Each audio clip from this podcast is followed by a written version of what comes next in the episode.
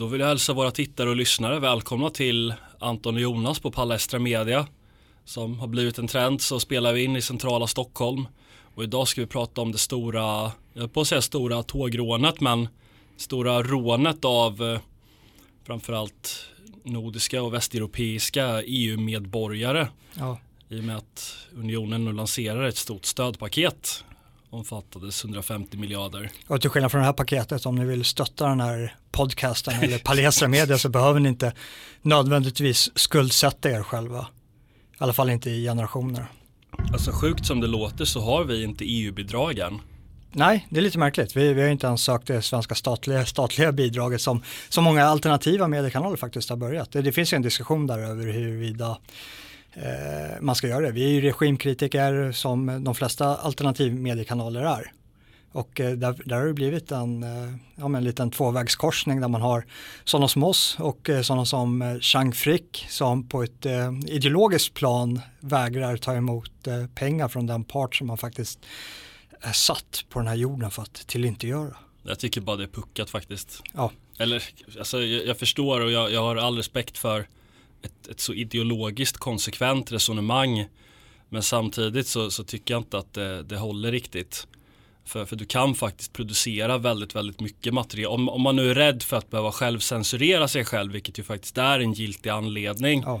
Eh, så då, ja, men, då, det är en sak naturligtvis. Men jag ser ingenting i eh, Nyheter Idags verksamhet och redaktionella hållning som, som sätter dem i den farozonen. Och jag, jag tror att staten, eh, mediepresstödsnämnden, skrockar gott åt dem som går visste om en massa miljoner enbart av ren envishet faktiskt. Mm. Men eh, ja, det är väl ett snarliggande ämne. De här eh, pengarna ska användas till saker och ting också. Och eh, det är ju som så att eh, vi har den här pandemin, eh, corona, och eh, det har ju drabbat eh, länder olika hårt. Vi har några sydeuropeiska länder som redan innan den här pandemin hade en ganska havererad ekonomi och eh, som gått lite från askan in i elden med det här. Mm. Vilket innebär att eh, eh, vi kommer att eh, göra det här stödpaketet för att hjälpa dem i den här krisen eh, och det rör sig om enorma summor pengar som inte kommer att kunna betalas av den här generationen eller nästa.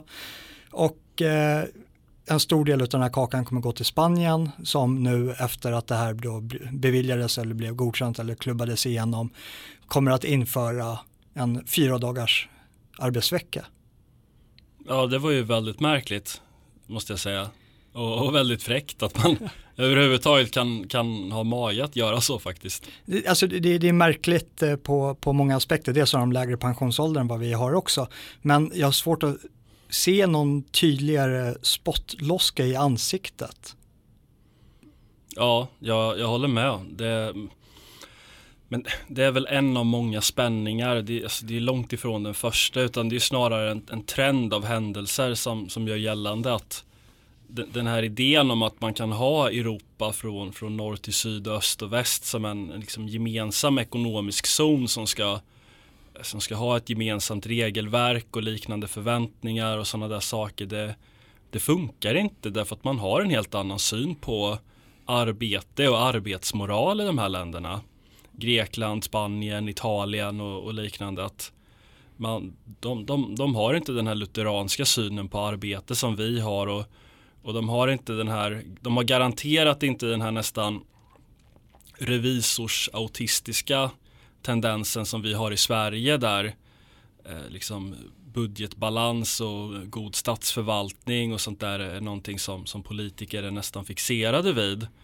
Att man, man ser verkligen till att om, nu, nu, har man, nu plundrade ju Göran Persson pensionsfonderna så jag säger inte att man, man är ansvarsfulla eller har varit men om man, om man tar pengar från, eh, från ett håll så, så ser man till att kompensera det på något annat håll genom att kanske framförallt höja pensionsåldern då eller att höja skatten. Men, men, men så, alltså. gör, så gör man ju inte där för att de, de har inte den här politiska kulturen överhuvudtaget. Och då, då, då, kan man inte förvänta sig att det ska funka som det gör i Sverige och Danmark och, och Tyskland och, och, liknande länder där vi liksom har ett helt annat sätt att se på de här sakerna.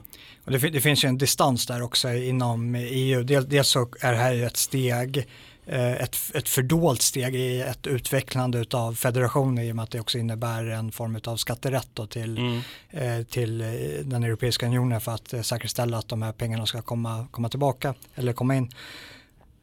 Men det, det är ju samma fenomen vi har även inrikes över hur, hur man nästan mutar nu finns det ju en euroaspekt i det här i euroländer och eh, de, de kommer göra det yttersta för att försöka få den unionen att fungera och det här blir ju att liksom eh, dra fast oss in i det här träsket som gör att det blir ännu svårare att trampa ur. Eh, vi har ju pratat tidigare mycket om eh, commitment eh, of engagement. Mm, att man, har slagit in på en linje och sen spelar det inte så stor roll fall skepparen ser att ja, men det här är ju fel kursriktning. Man, vi skjuter ja, på fel. ja, ja, men det är så här, kanonen är redan siktad så det kostar mindre att trycka av kanonen.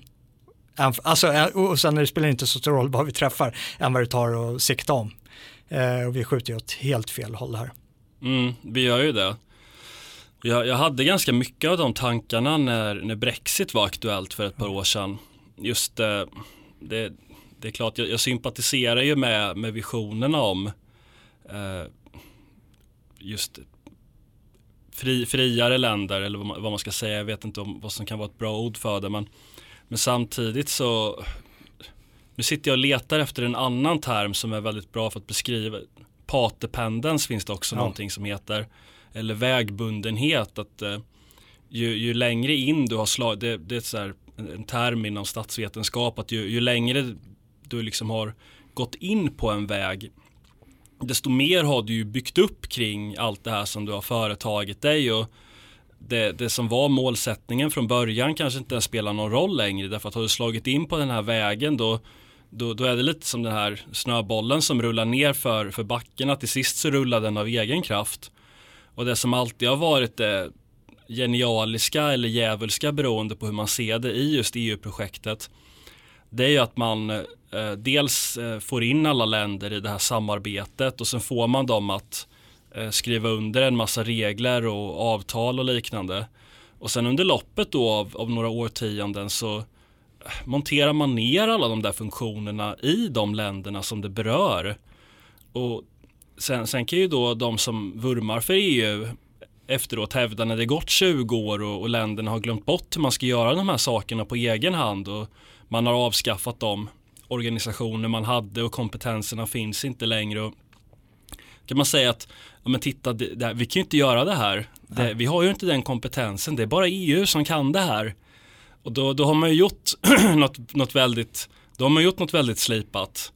Då har man ju verkligen eh, orsakat ett problem då som man slår sig på bröstet för att man har presenterat lösningen på. Ja.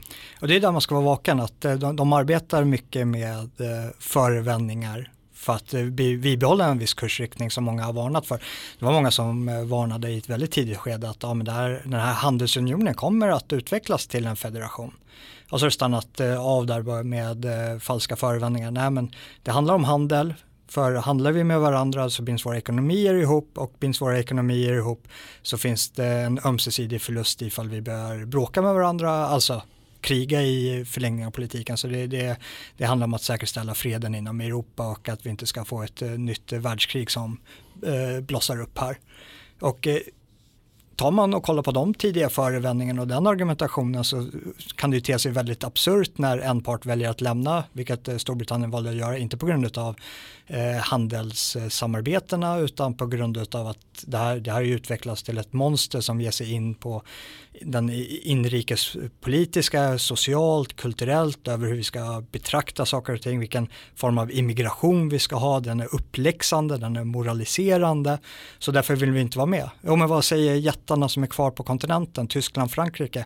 Ja men då kommer inte vi handla mer. Mm. Alltså själva grundorsaken till varför vi startade unionen till början, för att inte kriga med varandra. Och där, där någonstans här blottläggs det. Och eh, det här är ju bara ett steg i den riktningen av att ja, men vi, vi binder oss samman. Vi ser till att dels så finns det en enorm prestige i eh, att eh, nere på kontinenten så är ju euron och unionen mer eller mindre synonymt med varandra medan det finns en, kanske en distans mellan de två i de länder som valde att stå utanför. Särskilt i Sverige, där, där tror jag inte alls att man räknar med euron på det sättet. Ja, och där finns det ju att ja, men, om eh, Grekland, Spanien, Italien eh, missköter sina statsfinanser till den graden så att eh, eurosamarbetet riskerar att haverera eh, så kommer det kanske få följdverkningar även in på unionen. Så det, det, det finns, och när man gör de här stödpaketen, det, det, det är ju som en eh, liten snabb injektion in i för att rädda det, det är som när jag hade premiär på en eh, dokumentär om Sydafrika i Pretoria. Mm. Så var eh, en, eh, en gammal herre där som eh, kallas för Pitskit Rudolf. och eh, efter vi har visat den här dokumentären, dokumentären handlar om det socialdemokratiska eh, stödet under, eh, till eh, ANCs terrorgren, som ägnade sig åt en hel del terrorbrott under apartheidtiden.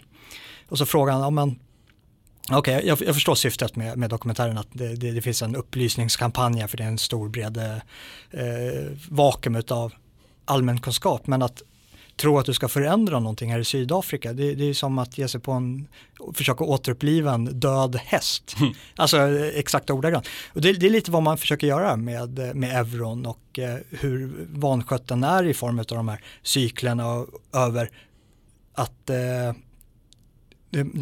jag, är emot de här stimulanspaketen även eh, internt i ett eget land över hur man försöker att eh, rädda liksom Fiat-systemet för det, det, är så mycket inbyggda fel i det med skuldmättandet och inflationen och att man skapar pengar från intet. Men det blir än mer uppenbart när det sker i ett eh, eh överstatligt samarbete med eh, någorlunda självständiga pelare som kan stimulera den här ekonomin lite oberoende av varandra. Och så, så det vi gör här det, det, är att vi försöker återuppliva den här döda hästen. Och det, det enda som händer är att ja, men den kanske kommer ha en puls några år till men den är redan död. Mm. Så det, det, vi, vi är på väg till en återvändsgränd här. Alltså det där är, jag, jag, jag, kan inte se något rationellt skäl riktigt för det här. Därför att jag, jag tror inte seriöst att någon kan kan tro på riktigt att de här stimulanspaketen faktiskt mm. skapar en god ekonomi. Jag, jag, jag, tror faktiskt inte att möjligen några riktigt, riktigt inbitna keynesianer eller liknande men jag, jag, tror seriöst inte att de kan tro på det här därför att grundfundamenten för en bra ekonomi är ju helt annorlunda.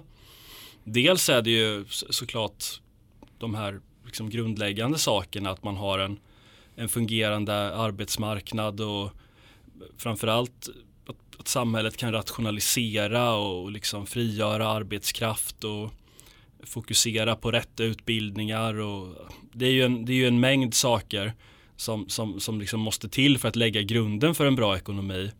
Men om inte de här grunderna finns, om man bara trycker in en massa pengar, det jag ser det är ju att det kommer leda till som det blir när man har de här stimulanspaketen och så ger man en massa eh, jag vet, inte, jag vet inte exakt hur det kommer fördelas men om vi säger att eh, delar av det kommer liksom gå ut till befolkningen i form av stimulanscheckar det kommer ju bara leda till aningslös konsumtion ja. som inte liksom är, kan räknas riktigt som investeringar som leder samhället framåt.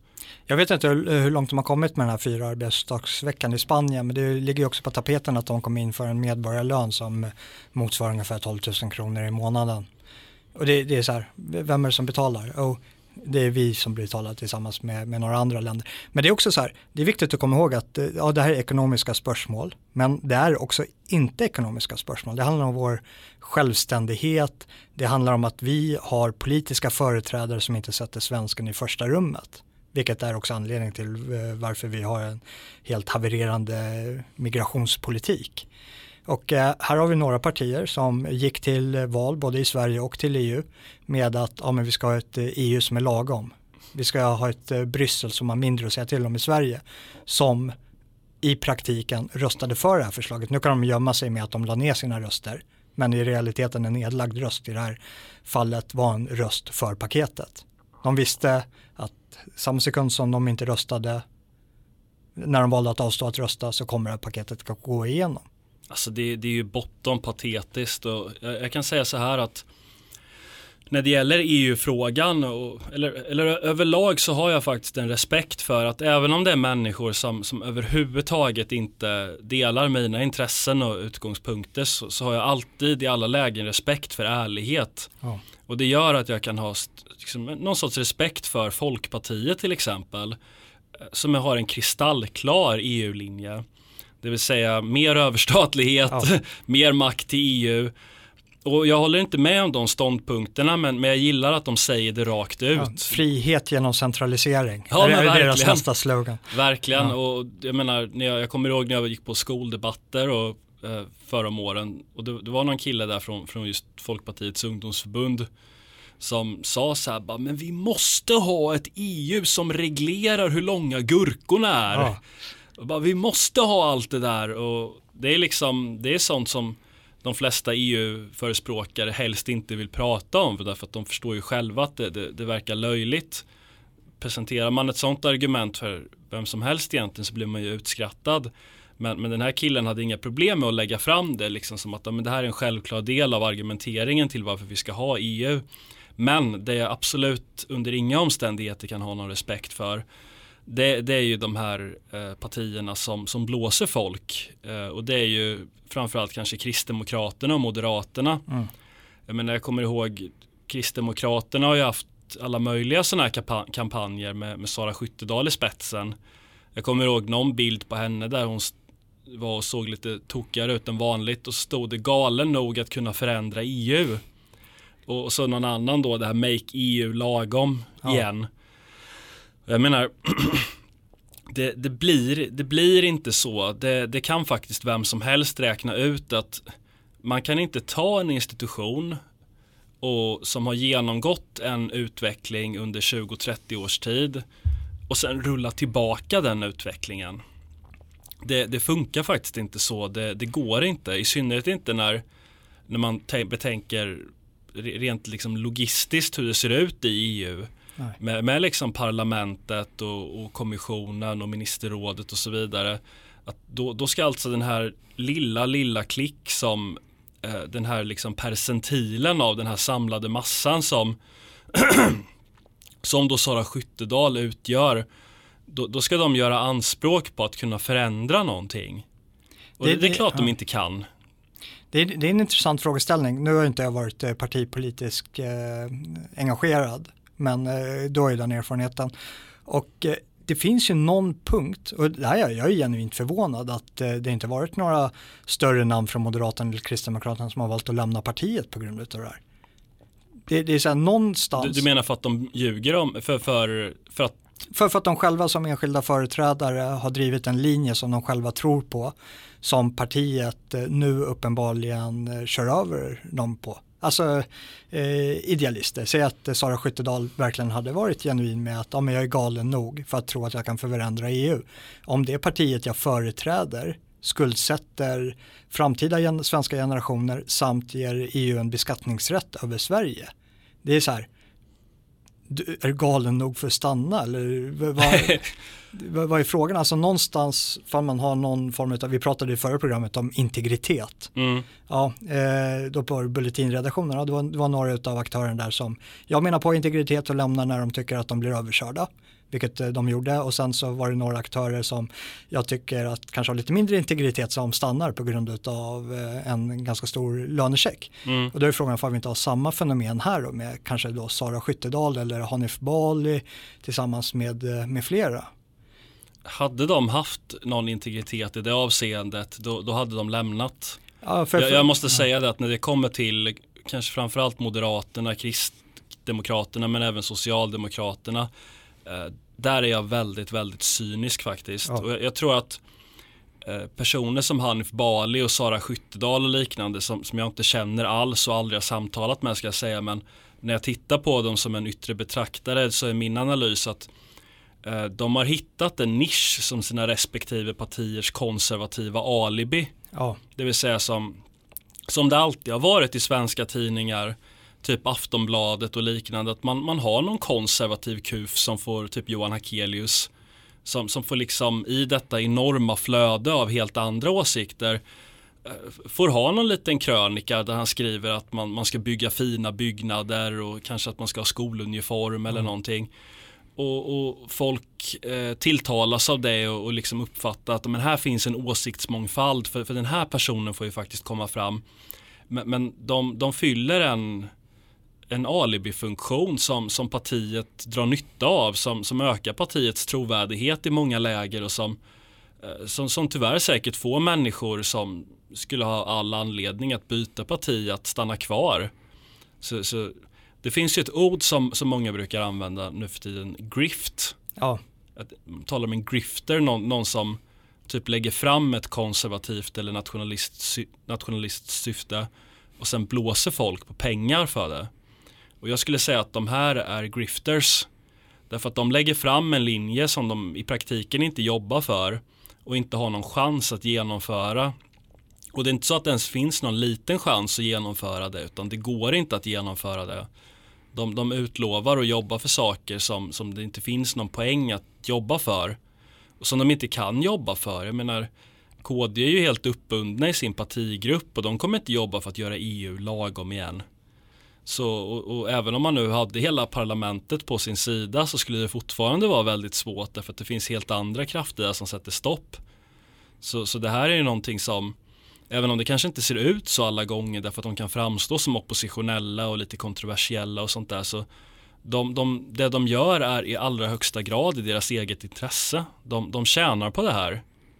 De tjänar på att vara den här konservativa, lite oppositionella rösten i sitt parti. Partiet tjänar på att tillåta någon form av eh, lite avvikande åsikt, precis som Aftonbladet och liknande alltid har tjänat på att av, av alla sina 20-30 krönikörer så, så, kan någon vara lite så här kufist konservativ och stå upp för skoluniform och fina byggnader och, och, och sånt där. Och det, det, är en viktig poäng också för någonstans måste man komma ner till kärnan över ja, men vad, vad är politiska och vad, vad är det för medel vi har och till vilket mål är det. Och eh, en av de fundamentala sakerna är ju att ja, men det är för framtida generationer. Absolut. Det, det, det är där vi ska bygga. Och eh, det, det, det, det är sånt förräderi mot det som komma skall att ja, men vi sätter oss i en situation eh, under fördold solidaritet när det egentligen handlar om att eh, sätta oss i, i flugklistret om mm. vi är mm. flugan och klistret är EU. Under, under någon täckt mantel av solidaritet till eh, Sydeuropa. Och det var det jag tänkte komma till tidigare också, att det, det finns ju inrikespolitiska eh, fenomen som är snarlika. Och det är ju våra mutpengar till utanförskapsområden i, inom invandringspolitiken över att eh, vi bara öser pengar på de här problemen. För det, för det är problem oavsett vilket håll du kommer ifrån eller vilket perspektiv du har så är det problematiskt med de här områdena. Och ett, ett, ett sätt att lösa de problemen är att ja, men vi ser till att fortsätta den här bidragsströmmen från centralt håll så att de här områdena håller sig lugna. För vad är det som kommer hända när vi börjar strypa på den här bidragskanalen? Ja, men vi kommer få eh, upplopp utan dess like. Och det, det, det, det, finns ungefär samma tendenser här att eh, någonstans så bevarar vi lugnet med EU, inrikes, genom att bara slänga pengar på det som inte ens är våra egna utan våra, våra barns pengar eller barnbarns pengar. Och det enda vi köper är lite tid. Ja, tid, det... tid som går emot oss och är till deras favör. Ja, till och med till deras kortsiktiga favör eftersom ja. det inte kommer göra något positivt alls för deras ekonomi långsiktigt. Utan det, det, det, det närmaste jag kommer att tänka på det är ju alla de här människorna i Lyxfällan. Ja. Som, jag älskar att kolla på Lyxfällan, jag tycker att det är ett väldigt roligt program. Jag tänker du bort till något parallellt universum där du faktiskt har pengar så kan han... Precis, men, men där är det ju lite samma, samma stuk att det, det, handlar om människor som inte har något eh, grundfundament för en bra ekonomi. De, de tjänar inte tillräckligt med pengar, de, de kanske inte jobbar eller har ett lågavlönat arbete. De har dragit på sig alldeles för stora utgifter i, i, form av bostad och lyxkonsumtion och vad det nu kan gälla. Och så länge de, om de inte klarar av att ändra på det på något mm. sätt så kommer de inte ha någon bra ekonomi. Lyxfällan är en bra jämförelse. Men låt, låt mig ja. avsluta bara de, de förstår ju inte det här utan eh, när pengarna tryter så, så börjar de ju låna istället. Ja. Och då söker de ju, då blir det ju kreditkortsskulder och kontokrediter och snabblån och allt möjligt.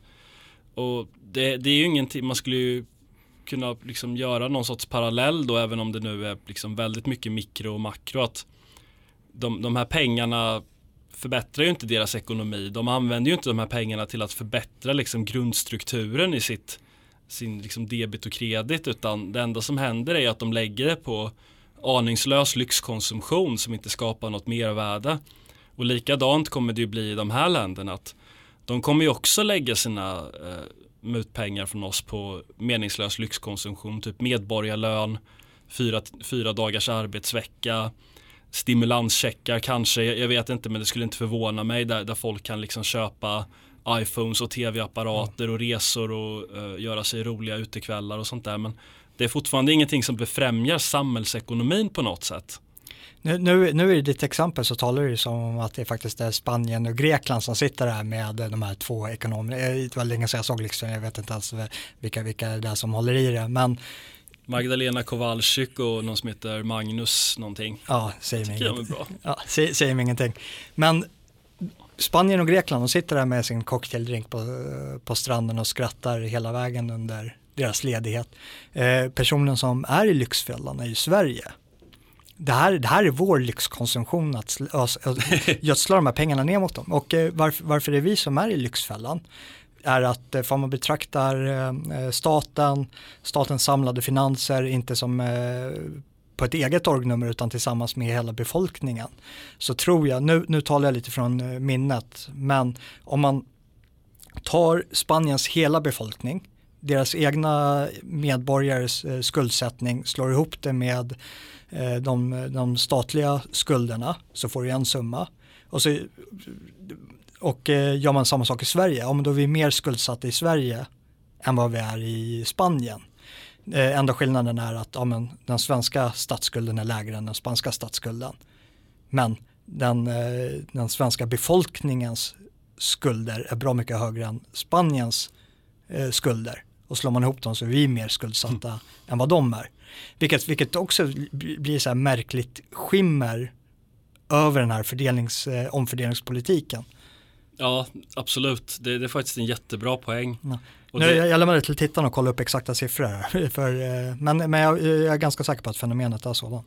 Det där har ju länge varit en svensk eh, regeringsstrategi att man, man lägger ut skuldsättningen på medborgarna ja. och på kommunerna. Eh, och samtidigt så har man statsskulden förhållandevis reglerad. För att skapa en sån här Putin-Kim-kuliss som man brukar prata om. Ja. Att då kan man ju bara kolla våra finanser, våra statsfinanser. Ja. Det ser ganska bra ut va? Ja. Och Folk kan bara liksom, ja men det är en ganska låg statsskuld. Det är en sån här klassisk kenyansk skuldfälla som svensken befinner sig i också, när, för det är oftast bolån. Mm. Och vad som håller ja, med bolåneprisen eller eh, fastighetsprisen uppe, ja men det är mycket med de statliga regleringar till, kring hur man får bygga och vad man får bygga. Det, det blir ju vi själva som har ett eget incitament till att inte lösa bostadskrisen. Mm, det där är ju ett, det där är ett ämne för sig. Ja. För, för är det någonting som det, det, finns ju några saker, några politiska områden i Sverige som, som absolut inte funkar. Och alla är överens om att det inte funkar. Ingen vill göra någonting åt ja. det. För att ingen vill börja rota runt i de där getingborna. Men en sak som absolut inte fungerar det är ju eh, bostadsbyggandet.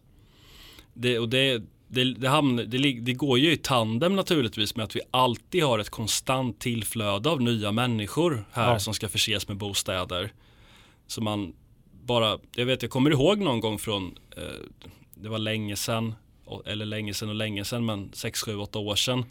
Så skrev Fredrik Federley någon eh, eh insändare då att ja invandringen genererar hutlösa summor. Ja. Och han specificerade aldrig på vad. Ja, men det var bostadspriserna. Alltså. ja, jag har tänkt på det, att undra ja. om det inte var det. Att det, det håller ju faktiskt uppe bostads, ja. det bidrar till att hålla uppe bostad. Det är inte det enda naturligtvis, men det, det bidrar. Och det, det, genererar ju oerhörda summor för någon. Ja. Det, det, är förmodligen ingenting som, eller det är ingenting som kommer oss till del eller staten till del. Men, men ett ämne för sig som jag, så jag tycker vi, vi bör återkomma till, kanske, kanske med någon eh, sak, sakkunnig gäst där.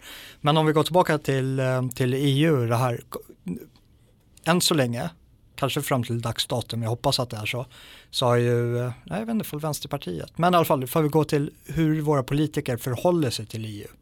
Ja, du, du var inne tidigare på att ja, men det enda riktigt ärliga partiet i den här frågan har ju varit de så kallade liberalerna mm. som har eh, drömt om en federal stat ända sedan eh, de övergav de liberala idealen. Och de har alltid, alltid sagt det också. Ja. Ingen kan, om man inte är fullständigt bara röstar, slum, kastar dartpilen och ser vart den landar, ja. kan ha liksom röstat på Liberalerna av den anledningen och varit emot det. Men eh, Svexit, kommer vi få se Sverigedemokraterna eh, till Vänsterpartiet också röstade nej va? Det var Sverigedemokraterna och Vänstern. Ja, jag kommer inte ihåg exakt. Ja. Men tror du vi kommer få se en starkare Svexit-linje? Uh, nej, det tror jag inte. Inte från Sverigedemokraterna heller? Nej, det tror jag inte. Det, alltså... de, de kommer bli nya koder där med att ah, men nu ska vi in här och göra det tillbaka lagom. Med, och KDs nya slogan är bara, men, ja men inte federalstaten. Ja, alltså SD har ju övergett den frågan. Mm. De, de har släppt den frågan. Det var ju ett av deras huvudnummer. Jimmy Åkesson har ju till och med sagt att han gick med i eh, Sverigedemokraterna 1994. För ja. Att... ja men eh, det finns ju alltid så här eh, skeenden mm. eh, över starka förevändningar som, som vi pratade om tidigare. Eh, ja, till och med i Star Wars, Palpatine hade ju en stark förevändning över så här, demokratiseringsprocessen, och skapade den federala staten i, i, i, universum. Och det föranledde ju att eh, tidigare EU-vurmare eh, lämnade och eh, hän, gav sitt engagemang till rebellerna istället. Så, så frågeställningen är, ja, men är det SD? Ja, var det här en sån eh, ödesmättad eh, beslut som gör att de reviderar sitt tidigare ställningstagande för EU och nu sålla sig till eh, rebellsidan mot, eh, mot Palpatine. Vet du vad, jag, jag fattar inte alls, eller jo jag fattar din liknelse men, men eh, jag kan glöm, Glöm liknelsen och bara ta, ta frågeställningen. ja. jag, jag, kan säga så här att jag, jag har ett antal, ja. eh, framförallt de manliga släktingar som röstade för EU ja. när det begav sig. Och, och, det var inte för att de eh, såg framför sig den här federala staten utan det är för att de hatar sossarna. Ja. Och EU var en... Eh, Med borgerlig, alltså handelsunion och Ja, alltså jag, jag, kan verkligen, om, om, man var, om, om man var med i omröstningen, alltså när det begav sig för, ja. för mer än 30 år sedan och, och liksom var, ja, men, ja, men en, inte, kanske inte nationalist, för det var ju inte de flesta då, men en, en högerman på något sätt som inte var socialdemokrat. Ja då hade man ju all anledning att störa sig på ett Sverige som i precis, princip var ett socialdemokratiskt maffiavälde. Och ett sätt att liksom bryta sig ur det där, det var ju att få ut Sverige i världen. För, för våra yngre tittare som inte minns den socialdemokratiska maffiaväldet så fick ju eh, våra första tv-kanaler som var utanför statens regi fick ju sända från London.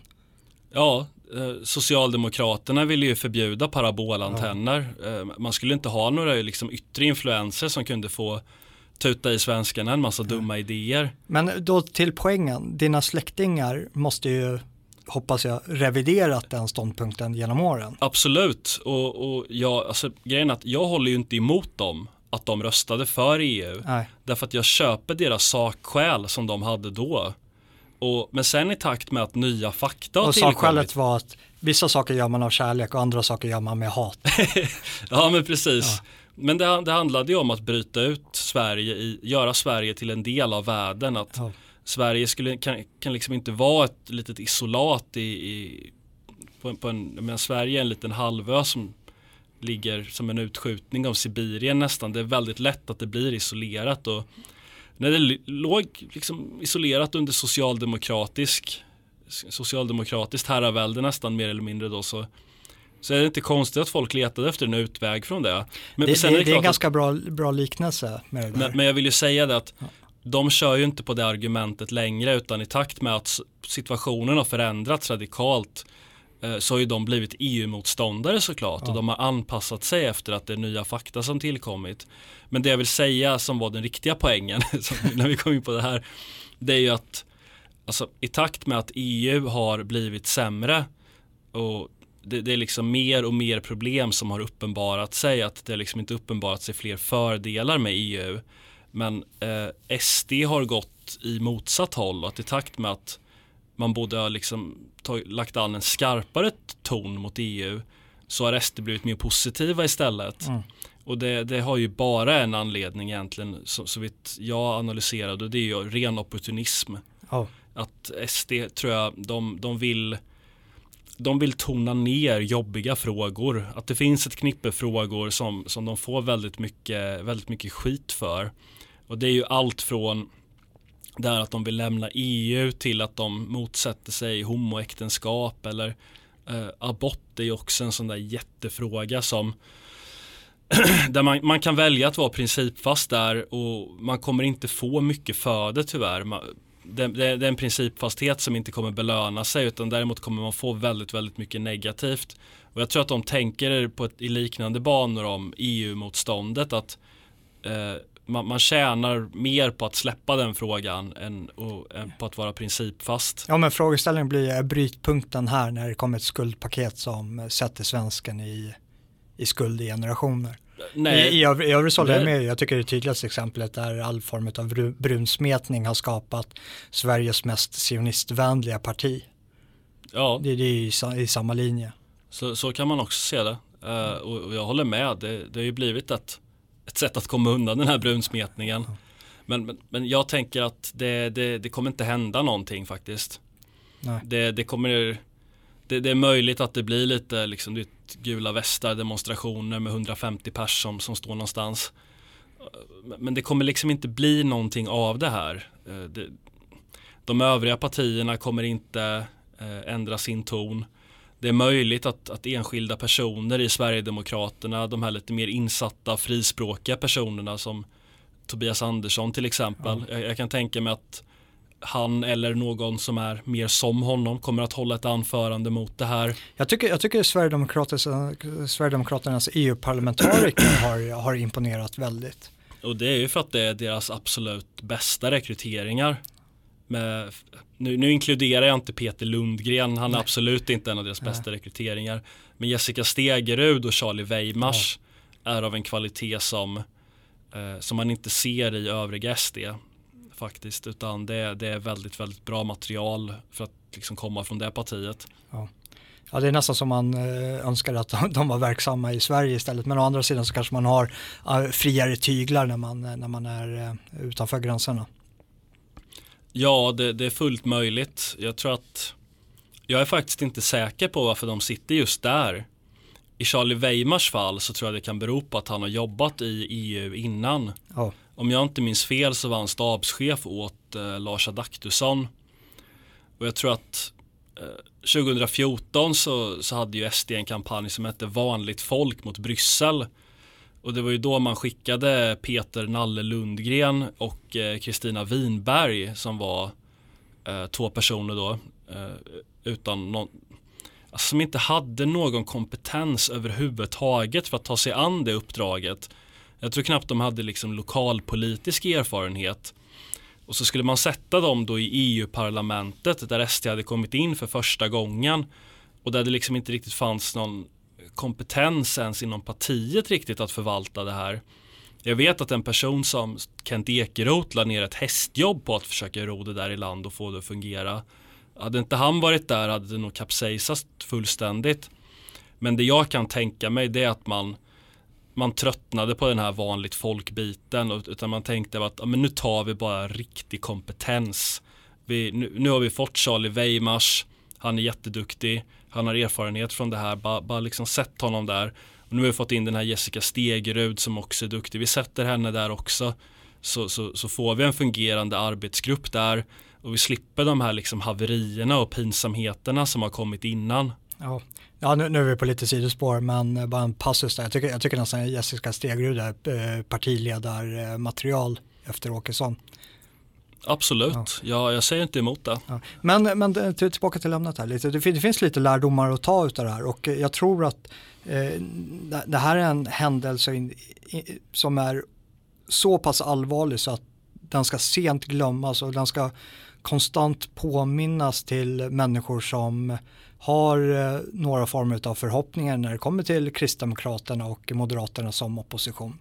För det, det är så här, jag blir ständigt förvånad över hur kort minne, eller jag blir inte förvånad, det är så hela, hela eh, världshistorien, även nutidshistoria, samtidshistorien är ju fylld med, eh, med exempel utav det här fenomenet. Mm. Men det är, hur kan man betrakta Moderaterna och Kristdemokraterna som ett oppositionsparti när de är exakt samma personer arbetade med eh, breda överenskommelser för att stänga ute närmare 20 procent av den svenska befolkningen från politiskt inflytande.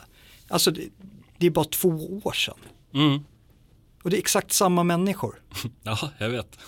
Och så kommer folk att bara, med, med en moderatledning så kommer vi få en kursändring i det här landet. Nej, det kommer ni inte. Ni kommer få en federal stat. Ja, jag menar verkligen. Jag, jag håller med till 100 procent och men, titta på, jag, vill bara, jag vet inte om, om det är någon person som har den här inställningen eh, Eh, som tittar men i så fall skulle jag vilja komma med, med en uppmaning för jag brukar tänka att anledningen till att folk röstar på KD och eh, M fortfarande det har, det har ingenting med rationalitet att göra utan jag tror att det handlar väldigt mycket om klasskomplex faktiskt. Och att man, man röstar och ser sin tillhörighet som en väldigt i mångt och mycket en statusmarkör faktiskt. Att, att man tycker inte att det är fint nog att, att rösta på ett gäng liksom, skånska bönder i SD. Man tycker inte att det är fint nog att läsa alternativ media eller liknande utan man vill höra vissa saker Eh, och se en viss politik. Men det måste vara rätt människor som jobbar för det. De måste ha de rätta slipsknutarna och de måste vara borgerliga på det rätta sättet. Och framför allt så måste de accepteras av vänster, det socialliberala vänsteretablissemanget. Ja, det, det verkar också vara en viktig punkt. Jag så. menar, varför sätter varför blir folk så eld och lågor över Bulletin till exempel? Ja. Egentligen, nu var det ju lite häftigt i sig att det blev en sån liksom jätterekrytering. Det var ju värt att prata mm. om. Men de, de, producerade ju ingenting som var intressant. Det är, det är också intressant. Det, det, är mer nyhetsartiklar. Jag, jag uppmanar er att gå, gå, ut och kolla. Det är mer nyhetsartiklar om skvallret, vad som händer bakom kulisserna på Bulletin. än vad det är om det här skuldpaketet. Ja, det, det, det är som ett rotsystem som viner igenom hela etablissemanget.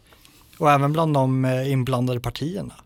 Jag har inte sett någon eh, från, ja den alltså annars edgy Hanif Bali från Moderaterna har inte gjort något uttalande om det här oerhörda sveket från Moderaterna. Och inte heller från Sara Skyttedal och inte heller någon annan från respektive parti. Och de blir inte utfrågade heller av eh, etablerade medier. Det är, Nej. Det, det, det är någonting som har gått eh, lite obemärkt förbi nästan. Ja, det, det har varit ett kompakt ointresse. Ja. Men jag menar, vad ska de göra? Jag, jag, tror inte att det var ärliga avsikter från början utan jag betraktade det mer som en, som en grift. Att man hittade en eh, position där som lite oppositionell röst. Men sen när det väl kommer till kritan så, så kommer man ju såklart inte vara en oppositionell röst Nej. i frågor där det faktiskt betyder någonting. Mm. Utan man vet sin plats, man vet hur långt man kan gå ungefär.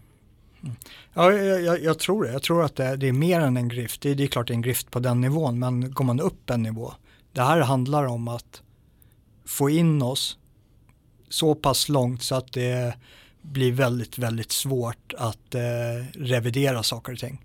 Det ska mm. vara svårt att eh, eh, göra en svexit. Det ska vara svårt att lämna de här ingångna avtalen och eh, de försöker bara binda upp oss till den inslagna linjen över att skapa den här eh, starkt centraliserade federalstaten. Det är nog den viktigaste poängen här. Just de här hin att de vill liksom, vad ska man säga, de river ner våran egen kompetens och bygger upp sin egen oh. för att göra oss desto mer beroende av det här systemet. Och det kan ju handla om allt då från att eh, liksom ta bort våra egna funktioner när det gäller handelsavtal till exempel.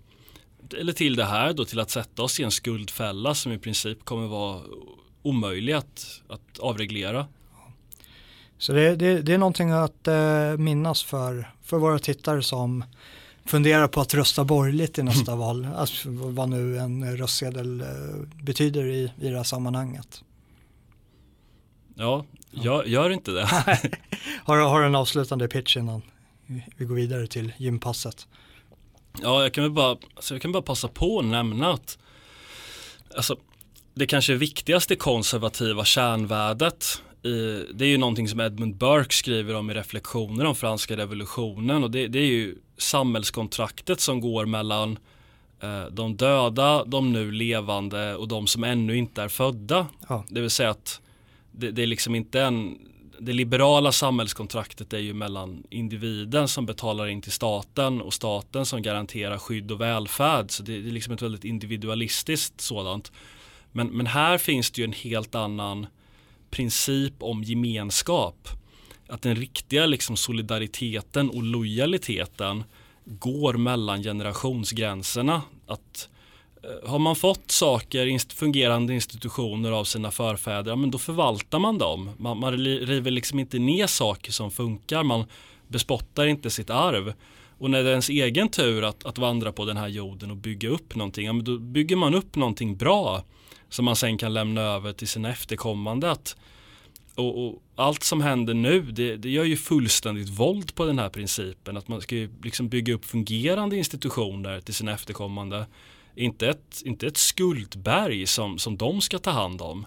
Det, det finns ju ett annat perspektiv på det här. Eh, Jean-Jacques Rousseau eh, myntade ju uttrycket över att det, det demokratiska beslutet ska kunna tas utav sig självt, eh, sans discussion. Alltså att eh, det, och det har ju alltid tolkats som att om det krävs en homogenitet till det för att beslutet bottnar i redan allmängiltiga normer så det finns liksom egentligen ingenting att diskutera här. Men här tolkas det ju som att ja, men här finns inget att diskutera. Nej, precis. så går, går man bara vidare utan diskussion och, för att förverkliga beslutet. Ja, det har man ju verkligen gjort. Ja. Till, eh, till nästa vecka då? Ja, då drar vi och lyfter skrot. så får ni ha det så bra tills vi ses igen. Tack för oss.